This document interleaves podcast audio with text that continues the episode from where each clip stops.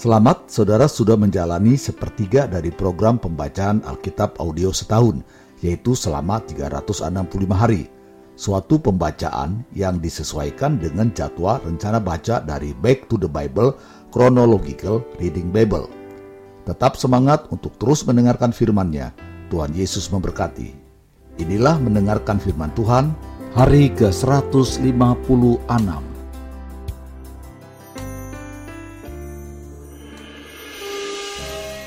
Amsal pasal 7 ayat 1 sampai 27. Hai anakku, berpeganglah pada perkataanku dan simpanlah perintahku dalam hatimu. Berpeganglah pada perintahku dan engkau akan hidup. Simpanlah ajaranku seperti biji matamu. Tambatkanlah semuanya itu pada jarimu dan tulislah itu pada loh hatimu. Katakanlah kepada hikmat, engkaulah saudaraku, dan sebutkanlah pengertian itu sanakmu, supaya engkau dilindunginya terhadap perempuan jalang, terhadap perempuan asing yang licin perkataannya. Karena ketika suatu waktu aku melihat-lihat dari kisi-kisiku, dari jendela rumahku, kulihat di antara yang tak berpengalaman, kudapati di antara anak-anak muda seorang teruna yang tidak berakal budi, yang menyeberang dekat sudut jalan, lalu melangkah menuju rumah perempuan semacam itu pada waktu senja, pada petang hari, di malam yang gelap. Maka datanglah menyongsong dia seorang perempuan berpakaian sundal dengan hati licik, cerewet, dan lihat perempuan ini, kakinya tak dapat tenang di rumah.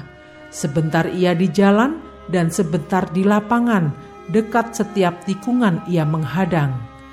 Lalu dipegangnyalah orang teruna itu dan diciumnya dengan muka tanpa malu, berkatalah ia kepadanya, Aku harus mempersembahkan korban keselamatan, dan pada hari ini telah kubayar nasarku itu. Itulah sebabnya aku keluar menyongsong engkau, untuk mencari engkau dan sekarang kudapatkan engkau.' Telah kubentangkan permadani di atas tempat tidurku, kain lenan beraneka warna dari Mesir. Pembaringanku telah kutaburi dengan mur, gaharu, dan kayu manis. Marilah kita memuaskan birahi hingga pagi hari dan bersama-sama menikmati asmara. Karena suamiku tidak di rumah, ia sedang dalam perjalanan jauh. Sekantong uang dibawanya, ia baru pulang menjelang bulan purnama. Ia merayu orang muda itu dengan berbagai-bagai bujukan, dengan kelicinan bibir ia menggodanya. Maka tiba-tiba orang muda itu mengikuti dia seperti lembu yang dibawa ke pejagalan dan seperti orang bodoh yang terbelenggu untuk dihukum, sampai anak panah menembus hatinya, seperti burung dengan cepat menuju perangkap, dengan tidak sadar bahwa hidupnya terancam. Oleh sebab itu, hai anak-anak, dengarkanlah aku, perhatikanlah perkataan mulutku, janganlah hatimu membelok ke jalan-jalan perempuan itu, dan janganlah menyesatkan dirimu di jalan-jalannya, karena banyaklah orang yang gugur ditewaskannya, sangat besarlah jumlah orang yang dibunuhnya. Rumahnya adalah jalan ke dunia orang mati yang menurun ke ruangan-ruangan maut. Amsal pasal 8 ayat 1 sampai 36. Wejangan hikmat.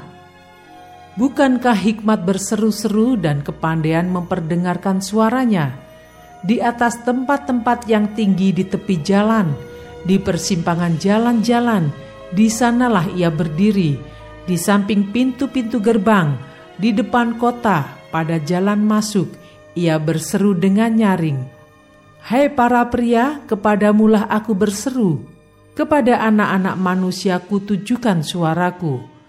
Hai orang yang tak berpengalaman, tuntutlah kecerdasan. Hai orang bebal, mengertilah dalam hatimu. Dengarlah, karena aku akan mengatakan perkara-perkara yang dalam dan akan membuka bibirku tentang perkara-perkara yang tepat. Karena lidahku mengatakan kebenaran dan kefasikan adalah kekejian bagi bibirku. Segala perkataan mulutku adalah adil, tidak ada yang belat-belit atau serong. Semuanya itu jelas bagi yang cerdas, lurus bagi yang berpengetahuan. Terimalah didikanku lebih daripada perak, dan pengetahuan lebih daripada emas pilihan, karena hikmat lebih berharga daripada permata. Apa pun yang diinginkan orang tidak dapat menyamainya aku hikmat, tinggal bersama-sama dengan kecerdasan, dan aku mendapat pengetahuan dan kebijaksanaan. Takut akan Tuhan ialah membenci kejahatan. Aku benci kepada kesombongan, kecongkakan, tingkah laku yang jahat, dan mulut penuh tipu muslihat. Padaku ada nasihat dan pertimbangan.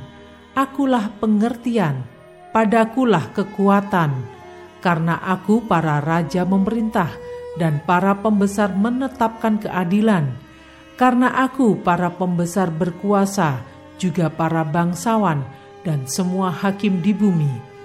Aku mengasihi orang yang mengasihi aku, dan orang yang tekun mencari aku akan mendapatkan daku. Kekayaan dan kehormatan ada padaku, juga harta yang tetap dan keadilan. Buahku lebih berharga daripada emas, bahkan daripada emas tua. Hasilku lebih daripada perak pilihan. Aku berjalan pada jalan kebenaran, di tengah-tengah jalan keadilan, supaya kuwariskan harta kepada yang mengasihi aku, dan kuisi penuh perbendaharaan mereka.' Tuhan telah menciptakan aku sebagai permulaan pekerjaannya, sebagai perbuatannya yang pertama-tama dahulu kala. Sudah pada zaman purbakala aku dibentuk, pada mula pertama sebelum bumi ada. Sebelum air samudra raya ada, aku telah lahir. Sebelum ada sumber-sumber yang syarat dengan air. Sebelum gunung-gunung tertanam, dan lebih dahulu daripada bukit-bukit aku telah lahir. Sebelum ia membuat bumi dengan padang-padangnya atau debu dataran yang pertama. Ketika ia mempersiapkan langit, aku di sana. Ketika ia menggaris kaki langit pada permukaan air samudra raya. Ketika ia menetapkan awan-awan di atas dan mata air samudra raya meluap dengan deras ketika ia menentukan batas kepada laut, supaya air jangan melanggar titahnya. Dan ketika ia menetapkan dasar-dasar bumi, aku ada sertanya sebagai anak kesayangan. Setiap hari aku menjadi kesenangannya dan senantiasa bermain-main di hadapannya. Aku bermain-main di atas muka buminya, dan anak-anak manusia menjadi kesenanganku. Oleh sebab itu, hai anak-anak, dengarkanlah aku, karena berbahagialah mereka yang memelihara jalan-jalanku. Dengarkanlah didikan, maka kamu menjadi bijak, janganlah mengabaikannya. Berbahagialah orang yang mendengarkan daku, yang setiap hari menunggu pada pintuku, yang menjaga tiang pintu gerbangku. Karena siapa mendapatkan aku, mendapatkan hidup, dan Tuhan berkenan akan dia. Tetapi siapa tidak mendapatkan aku, merugikan dirinya. Semua orang yang membenci aku mencintai maut. Amsal pasal 9 ayat 1 sampai 18. Undangan hikmat dan undangan kebodohan. Hikmat telah mendirikan rumahnya, menegakkan ketujuh tiangnya, memotong ternak sembelihannya, mencampur anggurnya, dan menyediakan hidangannya. Pelayan-pelayan perempuan telah disuruhnya berseru-seru di atas tempat-tempat yang tinggi di kota. Siapakah yang tak berpengalaman, singgahlah kemari.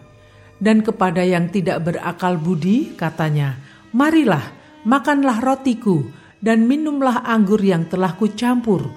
Buanglah kebodohan, maka kamu akan hidup, dan ikutilah jalan pengertian.'